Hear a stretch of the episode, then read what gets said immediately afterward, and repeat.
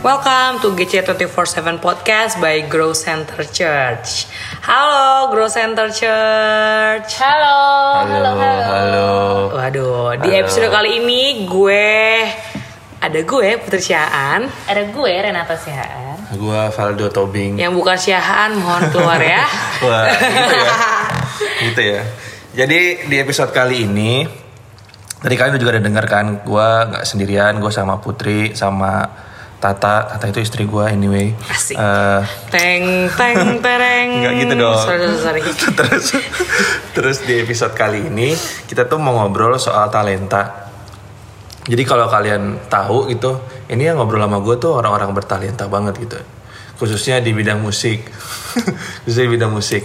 Putri ini eh, kalau kalian tahu sekarang tuh lagi sering banyak eh, banyak apa ya? Banyak partisipasi dalam acara-acara yang lumayan besar gitu. Banyak ngiringin uh, Artis-artis. Asik. Jadi dia kayak, Asik. kayak menggunakan talentanya gitu. Makanya gue mau ngobrol soal itu. Dan kenapa eh, kita bahas talenta? Kenapa gue pengen ngobrol soal talenta? Karena eh, sekarang kan masa pandemi ya. Di masa pandemi ini tuh banyak orang yang ngerasa pekerjaannya terdampak, ngerasa bingung mau ngapain, ngerasa nggak tahu eh, harus berbuat apa, ngerasa useless. Padahal gue tuh termasuk orang yang cukup percaya, bahkan sangat percaya kalau Tuhan tuh pasti kasih talenta buat kita, buat masing-masing kita. Dan talenta itu kalau di tangan kita, di tangan yang tepat, bisa berkembang dan gue percaya bisa menghasilkan. Makanya kita mau ngobrol soal itu. Pertanyaan pertama gue adalah, menurut lo put sama Tata, talenta itu apa? Putri dulu deh. Eh, talenta itu adalah eh, satu hal yang ada dalam diri kita, yang paling kita suka, yang paling dominan, yang jadi branding diri kita juga. Jadi tiap orang ngelihat kita, dia tahu kita itu siapa gitu. Hmm. Kalau dari kata gimana kak? Eh, sesuatu hal yang kita tuh per- eh, bakal percaya diri gitu sama eh, satu hal ini dan kita tuh ngelakuinnya tuh tanpa beban. Goks. gitu. Nah, terus kan kalian kan ini Eh, kalau sekarang kan kalian udah tahu ya talenta kalian apa gitu ya. Gue ngomongin musik dulu deh. Uh, kalian tuh mulai pertama kali discover kalau ini talenta gue tuh dari kapan? Putri putri. Aku kelas 5 atau 6 SD pas ngedeklar kayak kalau ditanya sama orang talenta kamu apa? gitu. Uh, main piano gitu. Hmm. 5 6 SD tapi itu juga nggak langsung kayak turun dari langit kayak ah, I'm a pianis gitu kan nggak bang ya. Diceburin dulu sama orang tua les piano. Dulu juga pas les nggak langsung mau gitu nangis nangis dulu mau les piano karena gue galak dulu. Tapi pas uh, begitu udah setahun dua tahun belajar enjoy terus uh, aku ngerasa gue bisa berguna nih dengan main piano kayak gue bisa ngiringin orang nyanyi sesimpel dulu gue bisa ngiringin upacara di sekolah sama ngiringin sekolah minggu di gereja. Jadi gue eh, mengakui bahwa main piano adalah talenta gue. Kalau dari kata tak Eh, dulu karena katanya waktu pas kecil suka nyanyi depan TV gitu joget-joget terus Avi Junior ya? belum dong. Nah terus habis itu eh, diajak lomba tuh eh, lomba nyanyi lah sampai eh, lomba di sekolah terus kompetisi-kompetisi segala macam sampai cermat.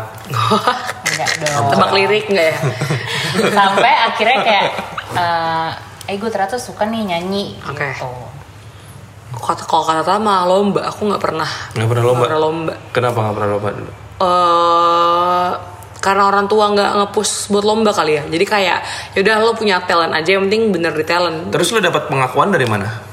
Dari orang sekitar. Misalnya kayak eh, dulu kan di SD banyak kakak kelas yang bisa main piano juga pasti ya. Anak kecil kan pasti udah piano dari zaman aku kecil juga.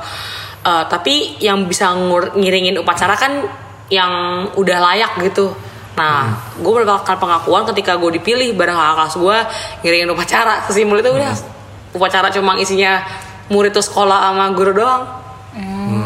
Jadi orang udah tahu eh, putri putri siapa kan? Banyak yang namanya putri juga kan di sekolahan putri piano gitu nah Putri Oh, piano ada ya? sebutannya ya iya Putri mama Piano. Putri piano. piano. gitu Tapi gimana waktu dulu ikut lomba, terus kamu menang rasanya gimana?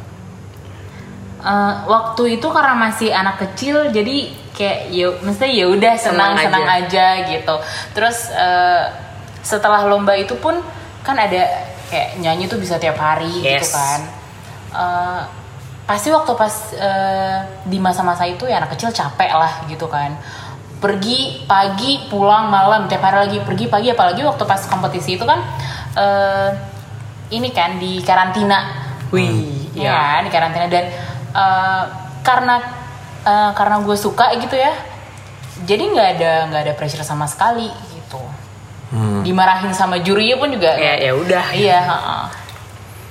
Terus Betul. eh, kalian kan udah tahu sekarang talenta kalian apa kan?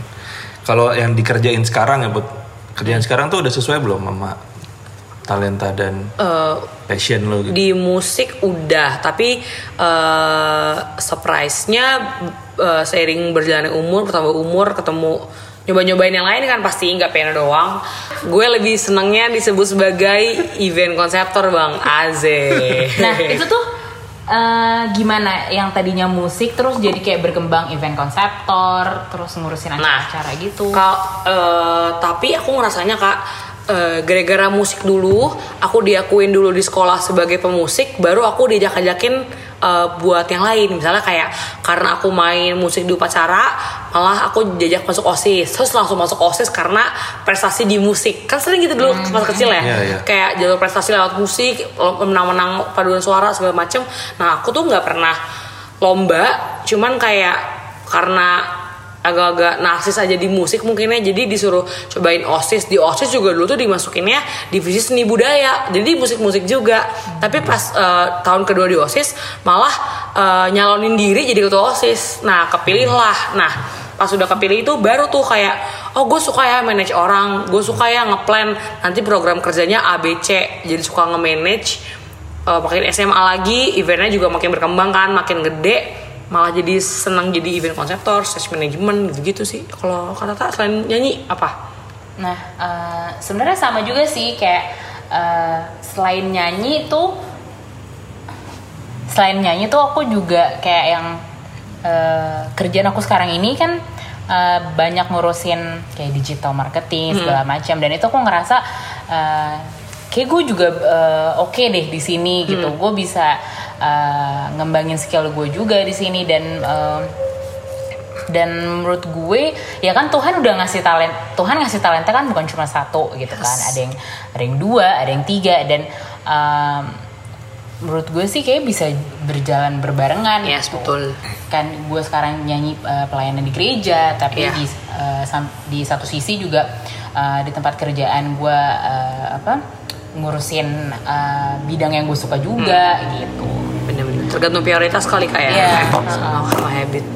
kalau bapak Faldo gimana Coba, bapak Bapak Faldo Faldo talentanya talentanya apa? apa nih? Wah gitu ya, langsung ditanya dua-duanya. Iya. Jadi kalau gue sebenarnya mirip sama eh, Putri sih journey-nya. Maksudnya cara-cara untuk mengerti soal talentanya. Jadi gue tuh waktu kecil itu sebenarnya gue ngerasa talenta gue adalah olahraga. Goks. Gue suka main bola dulu kan, terus Beko Enggak dong, main bola, sepak bola. Tapi di waktu gue kecil itu gue mau minta sekolah bola nggak dikasih sama orang tua. Itu buat gue tuh penolakan paling besar dalam hidup gue sebenarnya. Dan ternyata tuh setelah gue sadar itu dampaknya tuh lama banget. Karena setelah gue eh, dapat penolakan itu gue ngerasa gue nggak punya talenta. Nah, gue ngerasa cuma talenta gue tuh cuma itu Langsung bang. langsung. Oke. Tapi sadarnya baru sekarang ya. Maksudnya kalau dulu tuh secara natural gitu gue ngerasa gue nggak punya talenta aja. Gara-gara nggak sekolah gara-gara nggak boleh waktu itu. Jadi kayak semuanya kayak biasa aja semuanya kayaknya sosok aja rata-rata aja. Eh, musik suka tapi nggak bakat. Suka doang waktu itu. Olahraga gue ngerasa gue bakat tapi nggak boleh. Ya di pelajaran gue lumayan berprestasi tapi gue nggak ngerasa nyaman ngerjain begitu. Terus gue ngerasa ya udah gue tuh orang yang bisa aja gitu. Bisa ngelakuin banyak hal tapi bukan talenta gue terus sering berjalan waktu lama makin lama makin lama eh gue tuh mulai discover kalau gue tuh cuma suka ngomong. Gue suka ngomong sama orang gue suka ngobrol sama orang. Kan gue introvert ya? Ah, nggak gue ekstrovert in- interlude kali. ekstrovert sekali saya kan jadi gue kan mendapat energi ketika gue ngobrol sama orang. Nah dari situ tuh gue mulai apa ya mulai mulai kembangin gitu ternyata dari gue bisa ngomong gue ngomong depan dari waktu kuliah tuh gue mulai mulai discover waktu gue kuliah karena gue suka ngomong jadi waktu presentasi misalnya gue udah kerja kelompok pasti gue yang presentasi karena gue secara sukarela gue aja yang presentasi Oke. Padahal sebenarnya dalam kelompok biasanya tuh orang-orang pada menolak buat itu kan. Iya, buat presentasi. Tapi karena gue tahu gue suka ngomong, gue gue yakin gue bisa. Akhirnya gue berusaha, gue suka untuk ngomong. Akhirnya berkembang lagi. Terus kalau long story short, lama gue mulai sadar kalau gue suka ngomong. Terus gue suka dengerin cerita orang. Di podcast sebelumnya, beberapa podcast sebelumnya gue cerita perjalanan gue sampai gue ambil belajar konseling kan. Akhirnya gue belajar konseling lagi itu awalnya cuma karena sesimpel gue tahu gue suka ngomong udah gitu doang terus sampai di podcast ini dapat kesempatan lainnya jadi host di podcast ini itu kan cuma ngomong. Kalian nggak ngeliat muka gue yang didengar cuma suara doang kan? Gitu. Maksudnya maksudnya tuh Tuhan bisa pakai bisa pakai hal yang ini yang yang yang menurut gue pentingnya adalah Tuhan tuh bisa pakai hal-hal yang menurut kita tuh biasa aja. Padahal sebenarnya itu talenta kita. Iya. Cuma masalahnya kita tuh nggak peka kalau itu talenta kita dan kita nggak berusaha kembangin. Kan kalau cerita soal talenta kan ada yang satu, ada yang ada yang tiga, ada yang lima, yang yang bukan yang satu mereka kembangin akhirnya berlipat kali ganda. Yes, betul. Tapi yang satu yang ngerasa karena ngerasa cuma satu kok Itu gitu aja. kok tuan gue jahat akhirnya di di dipendem dosa kan nggak ngembang apa apa kan. Iya. Padahal sebenarnya satu itu bisa jadi dua, dua jadi empat. Kalau lo yang satu itu yang kecil itu lo tahu kalau ini sebenarnya talenta lo dan lo peka dan lu kembangin kan masalahnya orang nggak banyak yang peka gitu masalahnya kan kalau cuma kayak gue gue suka ngomong orang kan ngeliat ini biasa aja. Iya. ya kan? Ini biasanya bukan talenta emang lu kepribadian lu suka ngomong aja tapi di di dalam perspektif gue enggak ini talenta gue jadi intinya sih berlaku firman setiap perkara kecil Tuhan kasih perkara besar. Kan kayak lu juga tadi kan awalnya cuma dari situ terus akhirnya sekarang lu bisa tahu kalau lu juga suka di event konseptor kan. Nah terus eh gue mau nanya nih Put, lu kan sekarang kan kayaknya kayaknya sudah istilahnya sudah lebih nyaman ya sama kerjaan lo ya sebagai musisi, sebagai event konseptor. Tapi sebelum sampai ke titik itu, pernah nggak sih lu salah salah langkah atau nyobain hal yang lain gitu? Eh, pernah sih bang. Dulu aku tuh nyoba nyanyi, Hmm, cuman kayaknya enggak. bukan yang membuat single. Eh, iya, cuman maksudnya eh, aku nggak menyebut dia sebagai passion aku. Ah. Kayak beda ya, kayak orang bilang lo bisa ini nggak? Semua juga dibisain, cuman nggak nggak nggak maksimal di situ. Dulu sempat juga main-main gitar, cuman nggak cuma gonjreng-gonjreng doang. Terus gagal-gagal mah banyak ya bang, kayak ikut lomba nyanyi selalu gagal. Ibaratnya kayak dulu eh, kalau di sekolah nih lomba nyanyi ikut aja lomba nyanyi. Cuman nggak pernah menang. Tapi ketika piano ya puji Tuhan pasti menang gitu. Berarti maksudnya eh, nyobanya juga tetap di area musik dong ya? Nggak pernah yang bener-bener eh, 360 derajat itu beda Eh, banget. pernah. Dulu tuh aku bela- pengen jadi arsitek dulunya. Dulu tuh jadi aku pernah les di satu satu sanggar lukis yang beneran belajar eh, gambar pakai tangan tapi pakai dua titik eh, dua titik apa ya namanya intinya gambar-gambar rumah desain interior nah pas aku SMA tuh aku sering menang tuh lomba desain interior Oh, berarti ini. emang kamu juga suka gambar sebelumnya? Ya dulu. Nah tapi eh, aku nggak bilang nggak nganjutin karena aku pressure-nya beda. Kalau di musik aku pressure-nya eh, buat yang terbaik eh, ya udah take it or leave it kayak ya udah menang nggak menang ya udah legowo. Di gambar ini tuh kalau aku kalah atau aku nggak bagus hasilnya, aku tuh bisa stres banget. Iya. Jadi aku kayak nih kayaknya agak toxic ya. Kayak jadi buat hobi aja. Kenapa bisa beda gitu? Nah, nggak tahu. Mungkin itu lagi pembawaan diri kali ya. Dari kecil sama-sama les gambar dari kecil sama-sama les musik. Cuman ketika eh, dilombain gitu aku tahu ada orang yang lebih baik dari aku di bidang ini aku cabut. Tapi di musik nggak. Banyak yang lebih jago. Cuman aku santai aja karena aku sefun itu. Cuman di saat gambar itu arsitektur itu kayak aduh berarti gue tuh nggak bisa gambar. Berarti gue jelek. Desain gue jelek. Gini gini gini gini gitu Hmm. Tapi kalau struggle-nya put, lu pernah ngalamin struggle apa aja tuh sampai ke titik sekarang? Wah banyak, dibilang gak punya talenta pernah, dibilang mainnya nggak enak pernah. Itu kalau musik. Terus itu, itu gimana tuh bisa dibilang? jadi eh, aku lagi mendapatkan kesempatan ngiringin eh, penyanyi yang udah terkenal. Ini kapan nih? eh, Udah lama. SMP. Ah. Udah di, di tim Gila SMP aja udah mengiringi. Terkenal loh. di tim di tim itu aku yang paling kecil. Eh, jadi eh, aku yang kayak ya dimanja-manjain lah sama kakak-kakak gitu. Cuman ketika hari H konser aku main tuh nggak tahu tiba-tiba tuh main jelek aja gitu salah. Eh, aku cuman di backstage dibilang sama yang memimpin grup musik ini dan sama manajer penyanyi uh, manajer penyanyi itu bilang ke pemimpin grup musik ini kayak itu main pianis besok-besok jangan dipakai lagi deh mainnya nggak enak. Udah udah udah salah main intronya nggak enak lagi. Terus kayak uh, aku, terus aku dibilang sama pemimpin musik itu kayak kayak kamu gak punya talenta deh buat main musik ini. Hmm. dulu aku dibilang nggak bisa main jazz kayak kayak lo nggak bisa deh main jazz gitu. Terus how do you feel? Eh, wah aku nangis pulang-pulang bang. Asli itu beneran pulang-pulang nangis. Kayak emang gue jelek banget ya main musik. Karena apa? Aku ngelihat instrumen lain kalau ada salah santai aja. Kayak santai-santai. Giliran gue yang paling kecil kok dijudge bukannya malah motivate kayak atau apa kayak. Tapi eh, poin positifnya adalah eh itu malah bikin motivate aku sekarang. Jadi kalau sekarang aku mau tampil mau ngiringin siapa pun aku harus maksimal. Aku harus do my best. Jangan sampai orang judge aku. Kalaupun aku dapat judge uh, judgement sekarang ya udah legowo ya santai aja. Semua orang pasti salah. Jadi itu manusiawi. Itu masuk dalam penolakan berarti ya? betul betul dalam penolakan. Nah, lo meng apa ya menghadapi penolakan itu gimana, Put? ya memperbaiki diri bang. Berlatih lagi lebih baik lagi eh, mencegah buat tolak lagi Terus dampak dari penolakan yang dampak dari penolakan yang lo terima tuh jadi sama diri lo sekarang tuh apa? eh membangun diri aku biar lebih fight lagi sih beneran lebih fight lagi terus ketika nanti aku posisinya udah eh, misalnya lebih lebih di atas tangga daripada yang sekarang ada orang lakukan kesalahan aku kayak nggak memilih buat ngejar segitunya karena kayak gue pernah di jadi dia gitu Hmm. Mencari cara lain gimana caranya biar lebih motivate gitulah. Tapi pernah nggak sih kalian kayak eh, nggak sadar kalau ini tuh hidden talenta kalian gitu? pernah. Eh, dulu tuh aku suka kalau main piano demen banget improv. Ternyata di balik eh, nih juga mungkin knowledge buat musisi atau pemusik yang suka musik.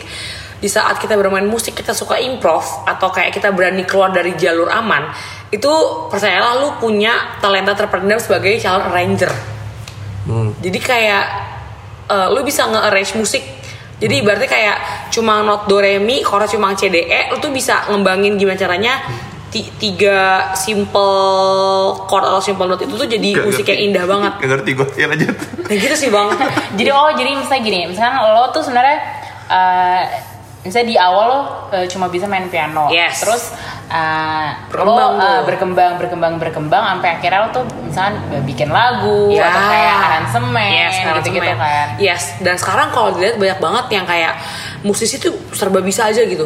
Bisa main musik, bisa ngaransemen, bisa ngedirect orang, bisa mixing mastering audio. Itu semua basicnya dari satu, bisa main musik dulu. Iya. Karena kalau lo nggak bisa main musik, lo nggak bisa tahu bunyi yang enak kayak gimana. Lo nggak tahu harmoni enak kayak gimana. Dan itu semuanya ter terpendam. Itu semua hidden menurut menurut aku. Karena eh, zaman dulu orang tuh nggak notice adanya arranger. Orang tuh nggak notice adanya eh, sound engineer. Sekarang tuh kan di mana-mana ya. Kayak mixing master itu uh, matters. Apalagi sekarang banyak banget lokasinya di circle aku orang yang dulu uh, main musik yang nggak jago, dia bingung uh, mau ngapain tapi sekarang dia bisa melayani juga lewat jadi sound engineer sesimpel kayak gitu jadi nggak harus selalu di altar yang lo main piano main apa bisa di belakangnya sih Tapi kalau uh, hidden talenta gitu ya, gue sih menurut gue nih menurut gue uh, sering banget juga kita tuh ada di kondisi yang kita harus coba dulu lakuin. yes Kadang tuh kita nggak tahu ini kita bisa atau enggak kita coba dulu. benar-benar. Kita coba sampai akhirnya kita tahu ini tuh talenta kita atau bukan. Kalau bukan ya jangan diterusin.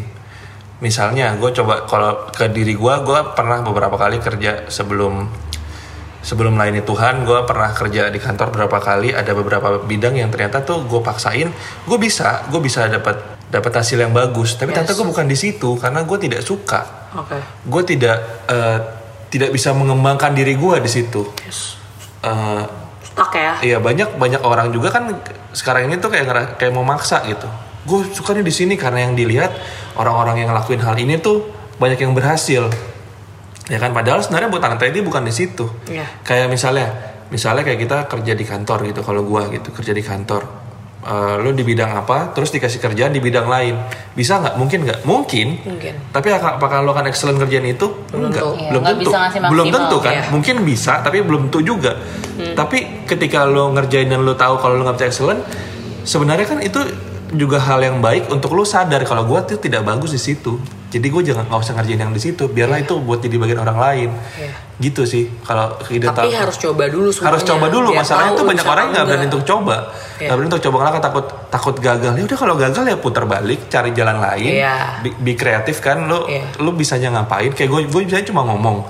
Ternyata setelah gue kembangin gue kembangin gue bisa dengerin orang gue bisa mendengarkan cerita orang gue bisa podcast gue bisa ngapain lagi gue bisa ngomong depan orang gue bisa bahkan gue bisa ngurusin orang gitu Iya. gue gue sempat punya eh, kerjaan juga ngurusin orang ngurusin acara cuma karena gue bisa ngomong aja Iya. nah terus terus kan kalau sekarang kan teknologi makin maju ya Hmm. sekarang kan lagi banyak banget orang-orang tuh ngelihat sosmed ya emang hidup kita sekarang di sosmed apalagi lagi di pandemi gini kan Ya, dunia tipu-tipu ya. nah itu dia yang mau gue tanya menurut kalian dampak sosmed terhadap talenta yang kita punya tuh apa Jadi ngerasa ini gak sih compare ke orang gitu? Iya. Ya kan? Comparing pengakuan Iya pengakuan. dengan sosmed eh, gua ngepost gue bisa main musik orang ngakuin gua pianis. Iya. jadi kayak semua pengen instan kan Iya. nah itu dia Iya. masalahnya masalahnya adalah gue gue tuh sebenarnya agak apa ya agak ngerasa sosial media sekarang tuh kalau kita tidak bijak ya jadinya toxic sih Ya. karena lu kan jadi bandingin diri lu sama Orang sama lain. orang lain Orang lain. gue punya talenta cuma ini nih nih orang kok bisa bisa terkenal banget ya dengan talenta yang sama ya ya Tapi gua nggak terkenal. tapi gue gak terkenal padahal menurut gue mungkin misalnya nyanyi padahal menurut gue suara gue lebih bagus daripada suara dia Yes. kenapa dia lebih terkenal ya Sering. itu menurut gue sih jadi apa ya jadi nggak bijak kita gunakan sosmed kan mak- akhirnya makin banyak orang yang talentanya dia yang itu di nggak dipakai Ya. nggak dipakai justru dia menggunakan dia berusaha untuk Mencari mencapai titik tertentu yang orang yang orang-orang yang dilihat di sosmed itu sudah berhasil Mm-mm. yang akhirnya malah nggak jadi talentanya Iya gitu. gitu Benar.